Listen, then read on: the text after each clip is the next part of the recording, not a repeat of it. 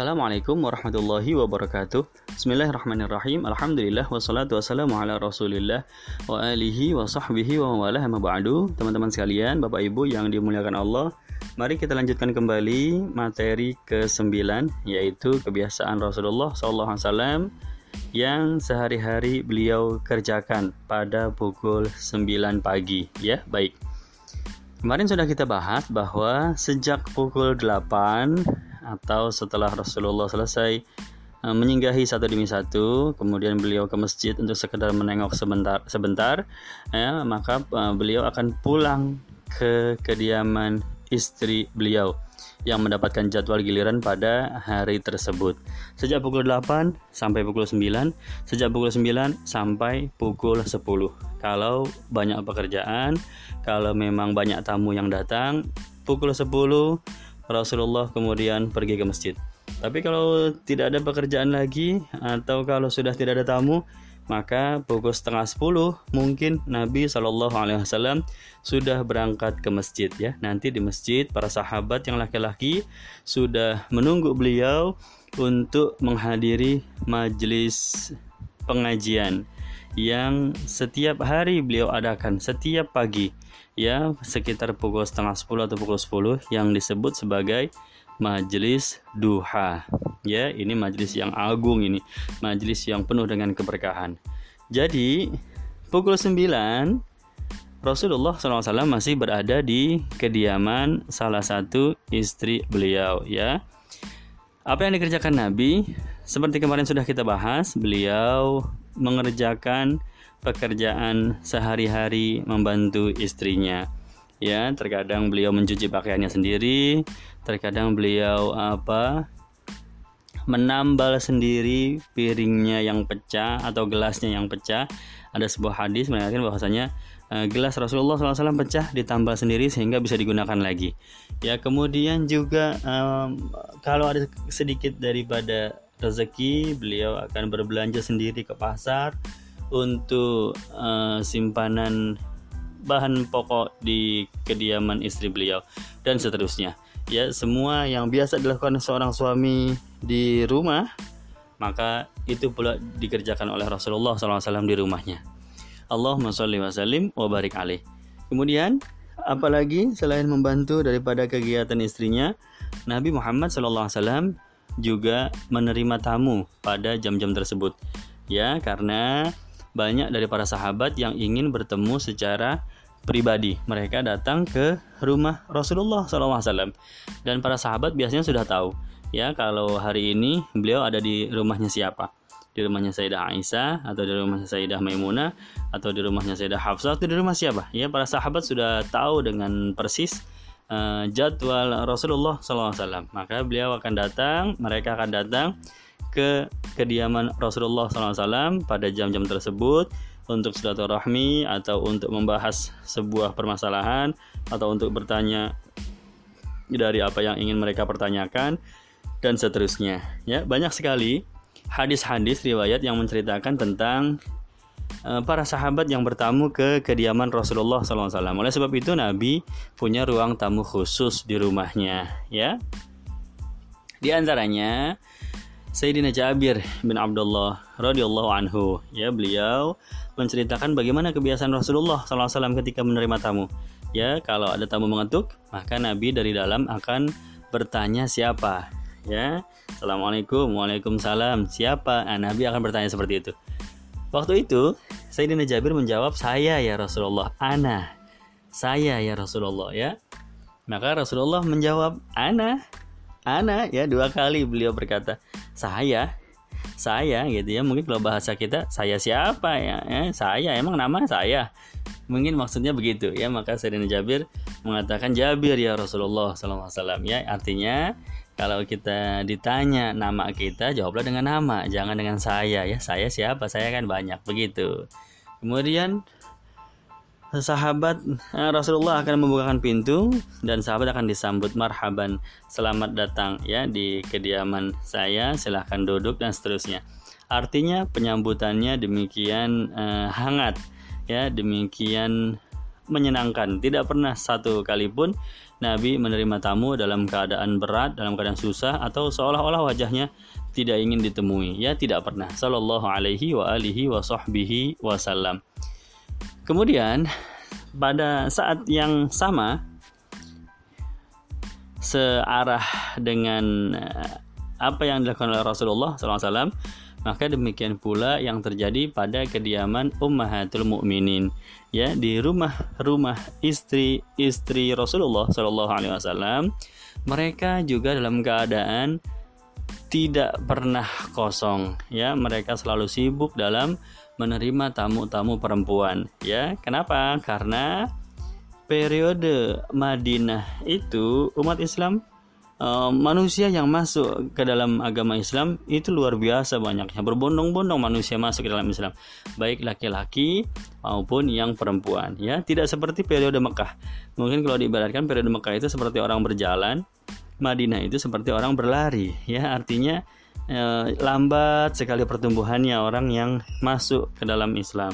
Tapi di Madinah cepat sekali ya pertambahan orang yang masuk ke dalam agama Islam ya. Oleh karena itu untuk menghandle kaum perempuan kaum muslimah yang baru masuk ke dalam Islam mereka ingin bertanya mereka ingin mengaji mereka ingin memperdalam tentang agama ini maka Rasulullah SAW memiliki sembilan istri ya atas perintah Allah Nabi satu demi satu menikah dengan perempuan-perempuan yang kemudian menjadi istrinya jumlahnya adalah sembilan.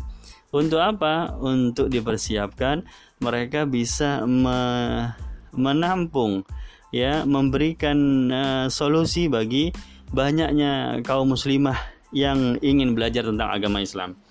Terbukti, buktinya apa? Buktinya jumlah istri Rasulullah SAW selama periode Mekah itu hanya satu ya hanya satu. Ya ketika Nabi diangkat menjadi Rasul 10 tahun setelah itu eh, wafat Sayyidatuna Khadijah sebagai satu-satunya istri Nabi. Setelah itu Nabi menikah lagi dengan Sayyidatuna Saudah selama tiga tahun. Ya selama di Mekah 10 tahun dan tiga tahun berikutnya istri Rasulullah hanya satu tidak lebih dari itu. Kenapa? Karena memang belum ada kebutuhan untuk uh, menghandle jumlah kaum muslimah yang demikian banyak. Tetapi begitu periode Madinah, ketika manusia berbondong-bondong masuk ke dalam Islam, ya, yang laki-laki sih gampang ya, yang laki-laki ini orangnya asik ya, laki-laki itu orangnya asik ya, belajar sama Nabi langsung bisa ya, dan Nabi langsung gurunya. Tapi kalau perempuan itu kan terkadang main perasaan ya, ada yang lebih tua, pengen bertanya kepada Aisyah rasanya kurang serak gitu atau kurang klop? Ya pengennya yang seumuran lagi. Maka mereka bertanya kepada Sayyidatuna Saudah ya. Ada yang golongan eh, apa namanya berasal dari keluarga terhormat, keluarga terpandang ya. Pada zaman dulu bangsa Arab itu masih memiliki eh, semangat kesukuan ya pada zaman dulu. Ya itu yang di, pengen dihapuskan oleh Islam ya. Tapi bekas-bekasnya masih ada. Semangat kesukuan. Saya datang dari suku terhormat. Saya datang dari keluarga terpandang ya. Mereka eh, maka mereka akan datang kepada siapa? Kepada istri Rasulullah SAW Sayyidatuna Zainab binti Jahsy ya. Karena beliau seorang perempuan yang datang dari suku terhormat ya datang dari Bani Quraisy ya. Ayahnya adalah Jahsi bin Rayab. Itu seorang pemuka ya terpandang terhormat.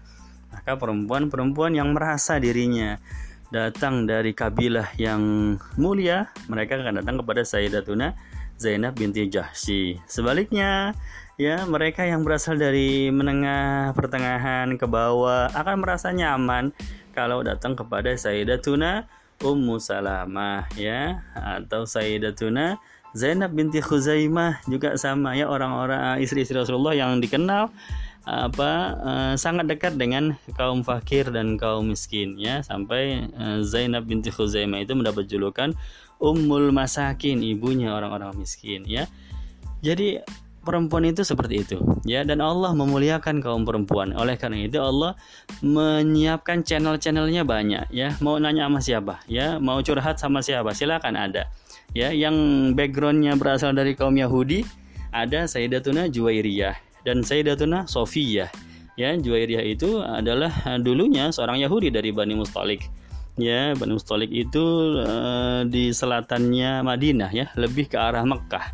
Ya, sedangkan Sayyidatuna Sofia itu Yahudi di bagian utaranya. Kedua-duanya mungkin sama-sama Yahudi tapi berbeda apa ya, budaya, berbeda tradisi. Maka silakan pilih orang kaum muslimah yang dulunya Yahudi utara dengan dengan budaya, dengan adat utara, mungkin ada yang ingin dipertanyakan, ada yang ingin disampaikan, datanglah kepada Sayyidatuna Sofiyah radhiyallahu anha. Ya, kalau yang datang dari uh, sekitar Mekah, Yahudi Yahudi sekitar Mekah datang kepada Sayyidatuna Juwairiyah radhiyallahu anha. Maka bicaranya klop, nyambung ya dan mereka merasa nyaman. Kalau dari Nasrani datang kepada siapa? Sayyidatuna Ummu Habibah ya, Sayyidatuna Romlah